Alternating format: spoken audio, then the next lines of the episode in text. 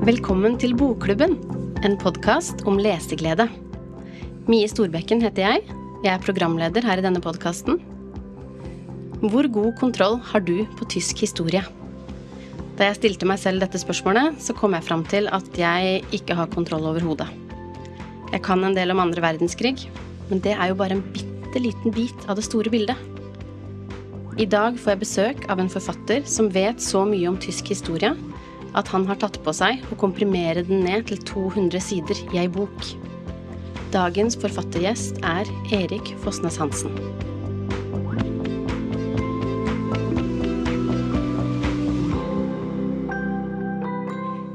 I dag har jeg med meg redaktør i Bokklubben, Runhild Sjølås, og forfatter Erik Fossnes Hansen. Velkommen til dere. Tusen takk. Tusen takk. I høst så er du, Erik, aktuell med boka 'Tyskland på 200 sider'. Og den har vi hatt som hovedbok i Bokklubben, valgt ut av deg, Runhild. Du har fortalt meg at det er noe helt spesielt ved denne boka her. Kan ikke du fortelle litt om hvordan det gikk til at du valgte akkurat denne? Det har jo bare aldri vært så morsomt å lese historie før. Jeg og bokklubbens medlemmer vi kjenner jo deg, Erik, som romanforfatter, først og fremst. Vi har vært med deg på reisen siden Salme slutt. Løvekvinn og, og, og, til og med Falketårnet. Du var jo egentlig Ja, du var faktisk like ung som vår forrige podkastgjest, Oliver Lovrenskij, som mange har hørt om da, da du debuterte. Så jeg ble veldig begeistra da jeg skjønte at det var du som hadde skrevet 'Tyskland på 200 sider'. Det var en skikkelig gavepakke når man både er litteratur- og historieinteressert. Mm. og jeg fikk jo da manus på boka fra forlaget. Og dette er jo en historiebok som ikke krever så mye forkunnskaper. Du har skrevet om folk og land, du har skrevet om kultur, populærkultur. Den er rett og slett morsom å lese, og det er jo fordi du er så god til å fortelle og du kan så mye. Og så har du, tenker jeg, valgt ut hendelser og personligheter og kulturtrekk som gir meg nøkler til å forstå, så jeg blir litt uh, klokere, rett og slett. Så jeg følte at jeg var på en sånn historisk weekendtur. Hjemme hos meg selv. og ja, det er veldig lettlest og lett å huske også. Og så har du jo masse sitater og referanser som føyer seg inn og gir knagger og ja, som gjør det gjør det vel ekstra gøy. Så jeg så du hadde et av de sitatene du har, som jeg tenkte jeg skulle oppsummere min leseopplevelse med. At dette er en fornøyelse uten anger. Og så er det 200 sider, så jeg er veldig imponert. For det er jo ikke lett. Nei. Men først, fortell. Hvorfor denne nå? Du er jo egentlig skjønnlitterær forfatter. Og hvorfor Tyskland? Ja, det er jo et veldig godt spørsmål, fordi eh, jeg, eh, jeg jeg, likte ikke tysk på skolen. Jeg var Jeg kunne ikke begripe hva dette dustespråket var til for, og hva det skulle være godt for. Jeg syntes det var vanskelig. Jeg syns det var håpløst at de måtte ha to avhengighetsformer i kasus når vi andre kan klare oss med én. De har både dativ og akkusativ, vi har bare én avhengighetsform.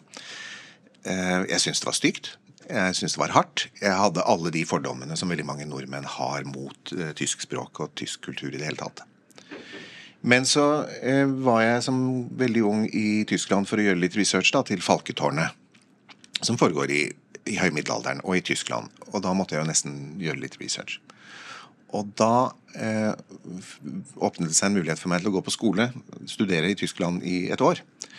så tenkte jeg ja, jeg kan jo prøve det. Eh, og jeg kom dit egentlig uten å kunne si uh, annet enn liksom god dag. Eh, og lærte tysk veldig fort. Um, jeg oppdaget at det var ikke så vanskelig som jeg trodde. Når man først liksom var i språket, så har nordmenn veldig mye gratis. Og så oppdaget jeg at det var jo ikke et stygt språk eller et hardt språk. Det var et nydelig språk. Det var lyrisk, det var poetisk, det var, det var sart. Det var også et veldig presist språk. Og, det, og så var det jo veldig mye hyggelige folk. Eh, som var helt annerledes enn jeg liksom trodde tyskere var. Tvert imot. De var, nei, de var kjempehyggelige. Det var mange søte jenter òg, kan jeg huske. Det, var, og det er jo alltid et incitament for en ung mann å lære seg et fremmedspråk, er jo at det er noen søte jenter som snakker det samme fremmedspråket. Og så var det jo selvfølgelig veldig mye interessant historie. Så da det hadde gått noen bare noen uker eller en måned eller to, så var jeg liksom midt i det og snakket tysk og eh, trivdes veldig, veldig godt. Og så senere eh, i livet, noen år senere, så eh, utga jeg en bok på tysk, 'Salme reisen slutt', som ble en megabestselger i Tyskland. Eh, jeg vet ikke helt hvor mye den har solgt i Tyskland til sammen, men jeg tror det er over en million eksemplarer. Og det gjør at, det jeg, jeg, fikk jo et veldig stort publikum i Tyskland, og da er det sånn at når du utgir bok på tysk, så eh, så holder det ikke å reise til én by, til hovedstaden, og, og, gi et intervju eller fem eller ti. Du må reise til veldig mange hovedsteder, fordi Tyskland er ikke ett land.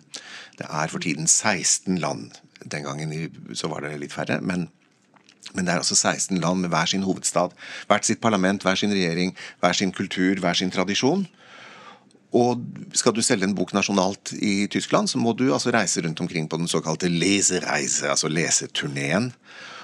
Og da, er det selvfølgelig, og da møter du publikum hele tiden til opplesninger og til samtale og sånn, og da var det en stor fordel for meg å kunne tysk.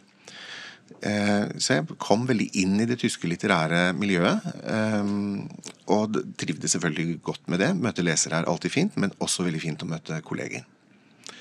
Så eh, ja, nei, jeg føler meg veldig hjemme der. Og da blir det jo sånn etter utallige opphold og reiser og har bodd der i andre perioder òg, så, så, plukker man jo opp veldig mye på tysk historie og tysk ja, tysk språk og diktning og litteratur, både fra fortiden og nåtiden. Men da du gikk i gang med denne boka her, hvor begynte du? Jeg begynte med at jeg var dum nok til å si ja. Altså, altså, jeg tenkte, ja, eh, Det er jo en serie dette som utkommer hos Kagge, som heter 200 sider-serien. Som begynte med at Frank Aarebrot fortalte om alle 200 årene fra 1814 til 2014 på 200 minutter. var det første var et mhm. foredrag. Og så gikk det videre til å bli 200 sider i bokform. Eh, og det gjorde han med et par andre tema også. Krigen og amerikanske presidenter. Og så døde jo dessverre Frank. Eh, men så har forlaget fortsatt denne serien. Og det er jo på en måte sånn Deutschland for dummies. ikke sant? Altså, det, Man skal ta et forholdsvis komplekst tema og forsøke på 200 sider å gi et, et slags oversikt. Det er for en, en, interessert leser som kan tenke seg å vite noe grunnleggende, og kanskje noe litt mer enn grunnleggende om et tema. Så jeg tenkte at jeg kan jo så mye om Tyskland, og 200 sider om Tyskland, det river jeg raskt av meg. Men jeg tok jo da ikke hensyn til at Tyskland er jo ikke nå ett land.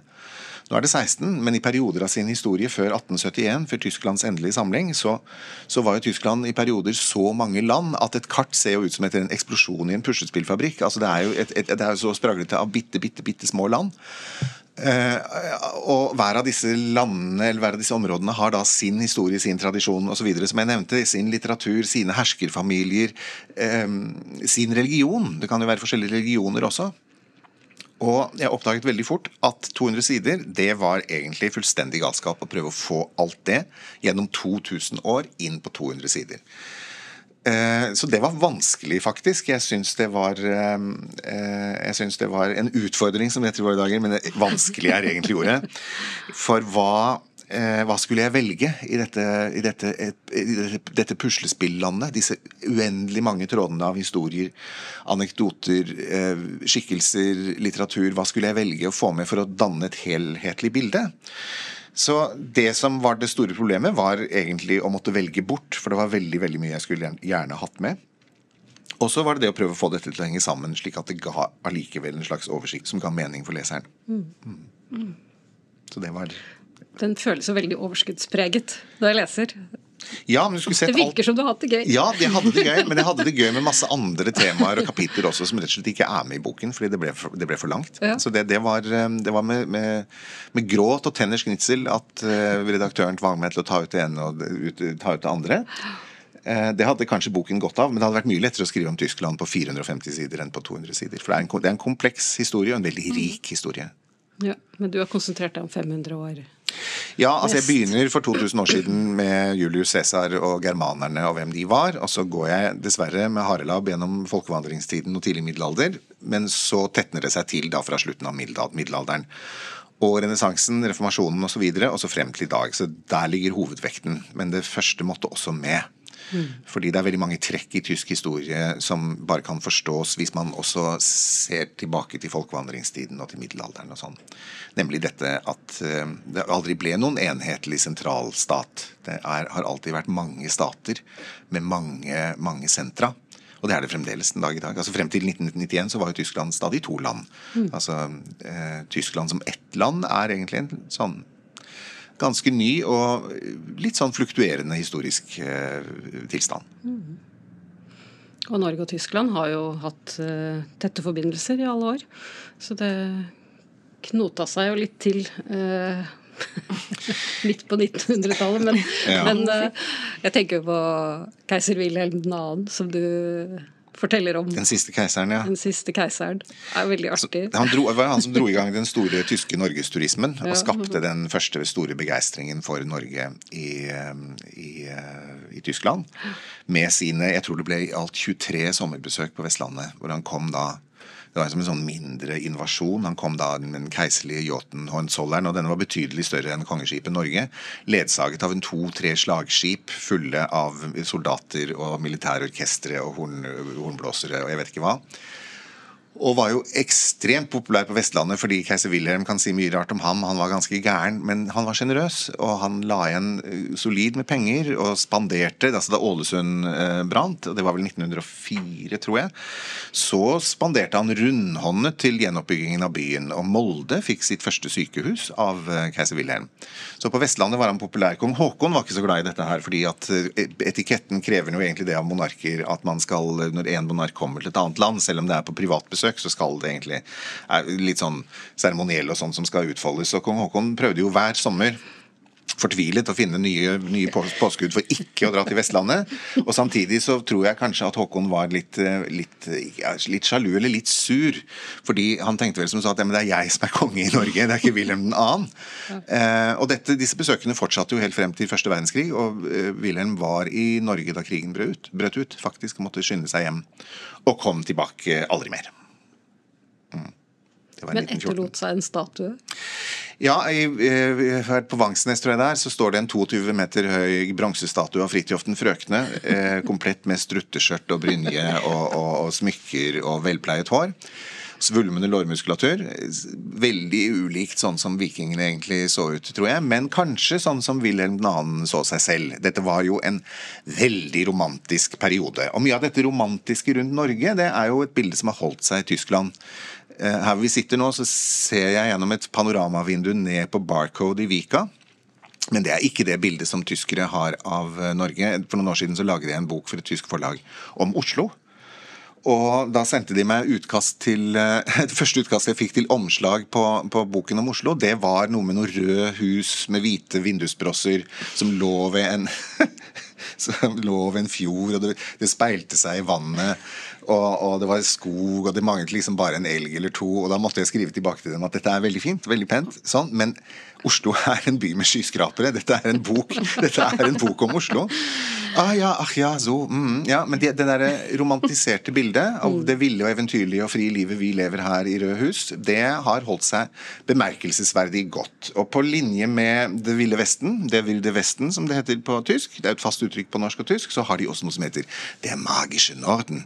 Det magiske Norden. Og det, det er et ord som alltid må med når man skal skrive om, Tyskland, nei, om Norge i ty tyske medier. Det er, det er, de har et litt romantisk forhold til oss, og det henger nok i fra Wilhelmsdagen. Veldig gøy. Altså For dere som ikke har lest boka ennå, så kan vi anbefale billedtekstene til Erik Fosnes Hansen. De er en fest i seg selv. Takk skal du ha. Og kapitteloverskriftene. Du hadde meg på 'Det går alltid et korstog'.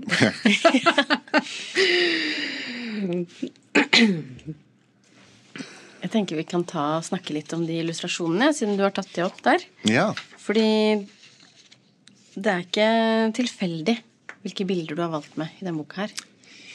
Nei, altså jeg tenkte at sånne bøker blir ofte Det er, altså, det er en bok om Tysklands historie, og bøker som om, omhandler historie, blir jo ofte da veldig mye sånn foto av historiske menn. Som står foran et hus, eller på vei ut av en bil, eller på vei inn i en bil, eller sitter ved et rundebord og har undertegnet en avtale og sånn. Det er egentlig litt kjedelig, for hvis du absolutt må vite hvordan de mennene ser ut, så kan du slå opp det på internett. Så jeg har prøvd å finne illustrasjoner som kommer i tillegg til teksten, altså som kompletterer teksten, da, som føyer noe til boken. Og det samme med bildetekstene. Det hadde jeg ganske mye moro av å finne. Um, derfor det blir, det blir mye menn altså, i sånne bøker. Og det er egentlig Det blir litt grått og trist. Så jeg, jeg, jeg er et øyemenneske. Jeg ser mye bilder. Så jeg, jeg, jeg tenkte at jeg må prøve å finne bilder som kompletterer. Også bilder fra tysk kunst, selvfølgelig. Det er viktig. Og, og, bilder som kanskje også er litt morsomme eller litt tankevekkende. Så det, jeg hadde mye moro med, med bildereaksjonene. Et sjeldent bilde av Angela Merkel. Ja, Angela Merkel før Angela Merkel hadde vært innom groomingavdelingen i underetasjen til sitt parti. Eh, de sa jo om henne Det, det høres jo litt stygt ut, men de sa om, sa om, henne til å begynne med at hun ser ut som hun klipper håret sitt selv. Og det kan godt være at hun gjorde det, men man skal huske det at Angela Merkel er en, var eller er en utypisk politiker. Hun var ikke politiker i det hele tatt. Hun kom inn i politikken da hun var over 30 år. Veldig mange politikere det gjelder i Tyskland som i Norge, har begynt og gått gradene fra ungdomspartiet og oppover. Eh, og liksom, har en måte å uttrykke seg på som er litt, litt glatt og litt, sånn, litt preget av mye trening. og sånn. Hun var ikke sånn i det hele tatt. Hun var keitete og rar. Og så var hun fysiker. Hun var forsker. Hun hadde doktorgraden i kvantekjemi. Og var da selvfølgelig veldig veldig smart, men også veldig sånn ujålete. Så jo ut som en forsker i kvantekjemi. Det var ikke noe, eh, det var ikke noe, det var ikke noe glatt ved henne. Og det rare var at dette syntes eller rart, jeg vet ikke, egentlig ganske, egentlig ganske naturlig at tyskerne syntes at nei, men dette her har vi respekt for. En, en, en dame som bare er seg selv. Og så var det også det at de andre politikerne, og det var jo stort sett bare menn, de var litt sånn Ja, i debatter og sånn Ja, jenta mi sånn, og skulle, skulle liksom fortelle henne hvordan ting var. Og det bare prellet av på henne. Hun lot seg ikke trekke inn i det der i det hele tatt. Eh, og var jo skarpere enn dem. De klarte aldri helt å plassere de, altså, de klarte aldri helt å plassere henne, de klarte ikke å få tak på henne. Og det gjaldt ikke bare for politikere som Gerhard Schrøder fra det motsatte partiet, altså fra Sosialdemokratene. Men det gjaldt også for, for, hennes konkurrenter, mannlige konkurrenter i eget parti. De trodde at hun var easy match, og at hun var, ville være et overgangsfenomen. Men hun hadde en, en sånn egen måte å eh, spille dem mot hverandre på. Eh, hun er en, en, en, fascinerende skikkelse fra tysk historie. Og den første østtysker da, som, som er blitt eh, forbundskansler foreløpig. Så hun skiller seg ut på alle måter. Og har vel bidratt mye til den veksten Tyskland har hatt, da, når de har bygget seg opp igjen etter krigen. Hun? Mm. Nei, da må vi nok tilbake til 50-tallet og til Adenauer-epoken. Det er da den store, store veksten i etterkrigstyskland skjer. Eh, problemet for Tyskland etter 1989 har jo vært at det er veldig store forskjeller fremdeles mellom øst og vest. Eh, og det er, det er det stadig. Det er få østtyskere med i styre og stell. Og befolknings, befolkningsflukten østfra og vestover, den er bare fortsatt. Til tross for at man har pumpet inn store midler og gjort hva man har kunnet for å, å stimulere til vekst i de tidligere østtyske eh, altså tidligere DDR-landene, så, så, eh, så, er det fremdeles sånn. Mm. Det er det grunnleggende problemet i Tyskland i dag. Mm. Når jeg leser denne boka her, så um det slår meg at den er veldig annerledes enn eh, på en måte klassiske historiebøker. Jeg håper den er, det. Den er gøyere å lese. Kan ja. du fortelle litt om hva du har gjort for å få den sånn? det er så Tyskland er jo ikke nødvendigvis et tema hvor man liksom tenker nei, så morsomt. Det er mye, det er mye trist og, og, brutalt i tysk historie. Men ikke bare det. Tyskland er så mye mer enn akkurat de årene mellom 1933 og 1945. Så jeg, jeg har jo da prøvd eh, å skape et slags orden i kaos ved å fortelle historier. Jeg er jo ikke historiker, jeg er historieforteller. Så jeg har tenkt at altså, finne anekdoter, finne scener, finne skikkelser som sier noe vesentlig om den tiden de levde i, og som samtidig driver fortellingen da, om Tyskland, historiefortellingen om Tysklands historie, fremover mot i dag. Mm. Eh, og da har jeg lagt vekt på å finne ting som er karakteristiske, og en del av dem er eh, morsomme, håper jeg. Eh, fordi det er, det er, mye gøy òg. Uh, og mye lyst også i Tysklands historie, og det blir ofte borte i vårt gjengse bilde av Tyskland. Så eh, Nei, altså jeg tenker at man husker historier bedre hvis det, er, hvis det er morsomme og tankevekkende historier i historien. Da har man noen knagger å henge forståelsen og, og, det man skal huske på. Hvis det bare er data og opplysninger og statistikk og sånn, så, så det går liksom litt inn gjennom det ene øret og ut av det andre øret. I hvert fall når det gjelder mine ører. Mm. Men det er et bevisst valg du tar. Tenker, det handler sikkert om hvem du har skrevet til. For hvem er det egentlig du tenker boka er for? Ja, nei, altså Jeg tenker jo at boka er for en alminnelig oppegående leser som ikke syns at hun eller han kan nok om Tyskland eh, som det er, og som vil ha en innføring i det. Det kan jo være ja, dette er det forfattere alltid sier, den ideelle julegave til noen som har en pode som skal studere i Tyskland. Eller som man skal kanskje til Tyskland selv. Eller man er i en jobb hvor man har mye med Tyskland å gjøre, og oppdager da ofte, når man har med tyskere å gjøre, at de vet ofte mye mer om oss og det som skjer her i Norge og i Norden, enn vi vet om dem. Dekningen i norske medier av det som skjer utenriks, er veldig USA-fokusert. Det handler veldig mye om Trump og Biden og Biden og Trump. Og det er jo ikke det at det ikke er interessant eller viktig hva som skjer i USA, men for det som skjer i Norge daglig, i norsk politikk, norsk samfunnsliv, europeisk utvikling, så er det som skjer i Tyskland mye viktigere. Tyskland er Europas hjerte. Det er Europas viktigste og mektigste land. Det er også det største landet i befolkningstall i Vest-Europa. Eh, og det som skjer der, det har umiddelbar betydning for det som skjer i Norge. Det har stor betydning for vårt næringsliv. Tyskland er vår største handelspartner utenfor Norden. Eh, og det er vel også kanskje det landet av de store landene i Europa som vi har nær, nærmest samarbeid med på veldig mange områder. Alt fra miljøvern til forsvar.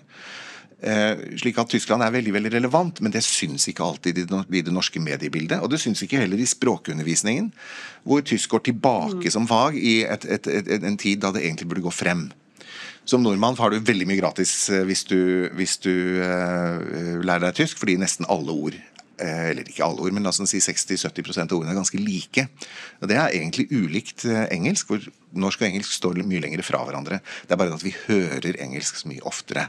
Så dette var altså en gammel, ganske dårlig tyskelevs eh, lille eh, hva skal vi si, peptalk for, eh, for, for, tysken. Et viktig språk og et viktig land. Og boken er vel til for ja, alle dem som kunne tenke seg å vite mer, men som ikke har et sånt kjempegrunnlag fra før. Men som vil oppdage Det er klart det står også om de sidene av Tyskland som vi kjenner fra historien, den nyere historien, men det er også ting som som kanskje vil være helt nytt og uventet for, for, leserne. Og forhåpentligvis ganske morsomt fremstilt, da, i hvert fall underholdende, sånn at man syns at disse historiene er verdt å, å lese til ende. Kanskje til og med tyske lesere kan ha glede av boka di? Har dere snakka noe om det, eller? Nei, Det rare var at det kom en fra tysk rikskringkasting og intervjuet meg. Eh, jeg sa men denne boken er jo ikke for tyskere, den er jo ikke kommet ut på tysk. Nei, men hun ville ha, ville ha et intervju allikevel. Det syns jeg var ganske stas, da. Ja, for det var kanskje det jeg hørte, en, et innslag eh, på tysk. Da ble jeg veldig imponert over hvor god du er i tysk. Takk skal du ha. Så tenkte jeg at da er det, jo, det er jo ikke bare du som er glad i Tyskland. Nei. Tyskland er også veldig glad i deg. Å ja, ja, sånn ja. Nei, ja, det, ja jo, altså. Det er, ja, nei, jeg, jeg, sa det vel kanskje, men det er jo det landet vi har flest lesere, faktisk. Ja, Og så har du jo fått en uh, utnevning nylig. En ærefull uh, oppgave. Skjønte jeg. Du er den første nordmann noensinne som er valgt inn i Det tyske akademi. Ja, eh, det kom veldig uventet eh, på meg. For det er ikke, det er ikke noen selvfølge å bli det, særlig ikke som nordmann. Det er en veldig eh, merittert, veldig tung litterær institusjon i tysk kulturliv. Eh, deler ut noen av Tysklands største og viktigste litterære priser og har som oppgave å vakte over det tyske språk og ledsage det tyske språk i dets utvikling. Eh, det er en utvikling som Eller hva skal vi si? Dette tror jeg ikke noen av mine tysklærere på gymnaset hadde forutsett at jeg noen gang skulle havne der. Eh, fordi jeg var ikke noe god i tysk. Men, eh, men det, nei, det, det, var, det, var, veldig spesielt. Jeg ble veldig glad og veldig, veldig stolt over det. Selvfølgelig som utlending å bli valgt inn i et fremmed lands akademi, det, det, skjer ikke hver dag. Du er i ganske godt selskap. Ja, det var det andre det var som noe... gjorde meg litt, sånn, litt forskrekket. For jeg begynte å se på hvem som har sittet, eller som sitter i dette akademiet. Og det er, eh, det er noen veldig tunge, veldig tunge, navn, og nobelprisvinnere så langt øyet rekker. Mm. Um, så det Nei, det, det, det, ble jeg veldig glad for. Selvfølgelig. Hva betyr tysk litteratur for deg? Og den betyr veldig, veldig mye. Uh, og uh, en av de tingene jeg oppdaget da jeg kom til Tyskland og lærte tysk, det var hvor utrolig spennende denne litteraturen er. Interessant, relevant. Og naturligvis annerledes enn engelsk litteratur eller amerikansk litteratur. Annerledes enn nordisk litteratur også. Og med mange store diktere opp gjennom århundrene. Du kan begynne til, helt tilbake i middelalderen og så gå frem via tysk idealisme, Goethe og Schiller, og så eh, romantikerne på 1800-tallet, og så har du eh, de litt sånn desperate forfatterne i den wilhelminske epoken frem mot eh, første verdenskrig. Og så mellomkrigslitteraturen, så depresjonslitteratur og etterkrigslitteraturen med alle sine oppgjør med fortiden. En spennende, rik, helt fabelaktig litteratur og diktning. Ofte veldig vakker, ofte veldig trist, ofte veldig preget av tapsopplevelser. Som har høstet mange nobelpriser, nobelpriser, men det er ikke det man skal måle litteratur i. Man skal måle den i hvor relevant den er. Og for meg har tysk litteratur alltid vært, siden jeg begynte å lese tysk litteratur, veldig relevant. Og har sikkert påvirket min egen skrivning også. Helt sikkert. Eh, så i boken, siden jeg er forfatter og er dikter, så var det naturlig å gjøre punktnedslag i, også i litteraturen og i kunsten. Slik at blant disse illustrasjonene så er det også en del bilder som ikke forestiller voksne menn med slips og hatt foran et hus, men som heller viser noen høydepunkter fra tysk bildkunst. Det er jo viktig å huske at, at Tyskland det er klart, I boken så kommer jeg grundig inn på det som skjedde under Det tredje riket og under nazismen. Fordi det er en så hva skal vi si, det er en, en, en, en så forferdelig og så en, del av tysk historie som det ikke går an å hoppe bukk over. Men det var viktig for meg også å vise at Tyskland er mye mer. Det er mye mer innenfor tenkning, innenfor kunst, innenfor humanisme, innenfor litteratur. Eh, slik at det er, et, det er en viktig, viktig, tråd i boken. da. Eh, jeg kunne også naturligvis skrevet om tysk forskning og tysk teknikk og tysk industri og næringsliv, og det er det også en del om i boken. fordi det er, det er, det er også en viktig del av Tyskland, som er et land som i hovedsak er et merkantilt land. Det er et, det er et handelsland, og det er et produksjonsland. Eh, men for meg var det også naturlig da å legge hovedvekten, siden jeg er forfatter selv, på, på det litterære og på kunsten. Eh, så det er, det er en viktig tråd i boka. Vi hadde kanskje ikke sittet her, vi som sitter her nå, hvis ikke det var for Gutenberg?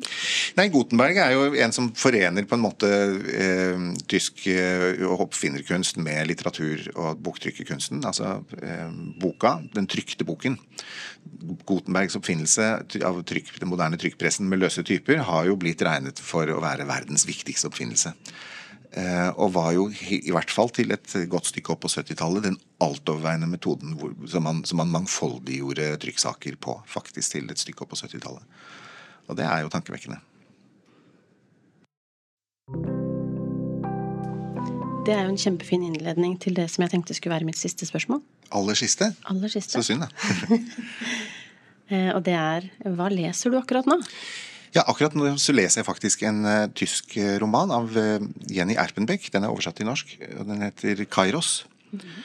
Og det er en sår og nydelig kjærlighetsroman uh, som foregår i DDR. Altså i Øst-Tyskland like før og under Altså like før muren falt, og mens den faller. Slik at denne kjærlighetshistorien mellom en eldre mann og en yngre kvinne ligner vel kanskje på mange sånne kjærlighetshistorier fra mange bøker som man kan ha lest før. Eh, den er veldig ærlig, veldig rå på en måte. Eh, det som er Det som kommer da i tillegg til at disse to opplever at kjærlighetsforholdet deres det bryter sammen, det er jo også at staten, det samfunnet de er vant til, det østtyske samfunnet, som tross alt var hverdagen for millioner av mennesker, og som det har vært litt sånn vanskelig for østtyskerne i ettertid å få anerkjennelse for at det var også et liv, med, mm. hvor man hadde lagt planer og hvor man ja, man, man, levde nå i dette samfunnet og hadde innrettet seg på det. Så kommer 1989, 1990, 1991, og så bryter alt sammen. Og så ble virkeligheten for alle helt annerledes. Og dette får Jenny Erpenbeck kontrastert veldig fint i denne romanen. Den er, den er nydelig. Den er oversatt eh, til norsk eh, og er mulig å få tak i i enhver god bokhandel, og kanskje hos Bokklubben også, det vet jeg ikke. Men eh, den er hos, ja, den er hos Bokklubben også. Den anbefales på det varmeste. Og egentlig en typisk tysk roman. som Er, den er full av undertekst. Det er mye som handler naturligvis om kulturen og, og, og om litteratur og sånn. Masse litterær undertekst. Og så er det eh, Den er nydelig og varmt beskrevet og fenomenalt godt skrevet. Altså, hun turnerer språket på en, eh, på en, eh, en veldig god måte. Mm. Og det er en bok om tapsopplevelser, slik som mye av det som, som, i nyere tysk litteratur egentlig handler om tapsopplevelser, om sorg, om anger osv. Men også med vemod da, over det som var. Eh, hvis det er noe tyskerne er flinke til, så er det på en måte å se at man kan ikke snu seg og se tilbake på det som var. Man kan minnes det, og så må man gå videre. Tusen takk for et veldig godt tips. Vær så god. Og tusen takk for at du kom hit i dag. Det, Det har vært eh, veldig lærerikt. Veldig hyggelig å være her. Takk for invitasjonen. Og tusen takk for boka, som jeg varmt anbefaler alle å lese. Nå vet du hvilken bok du må skaffe deg. Tyskland på 200 sider heter den, og du finner den på bokklubben.no. Vi er snart tilbake med en ny episode, og til da god lesing!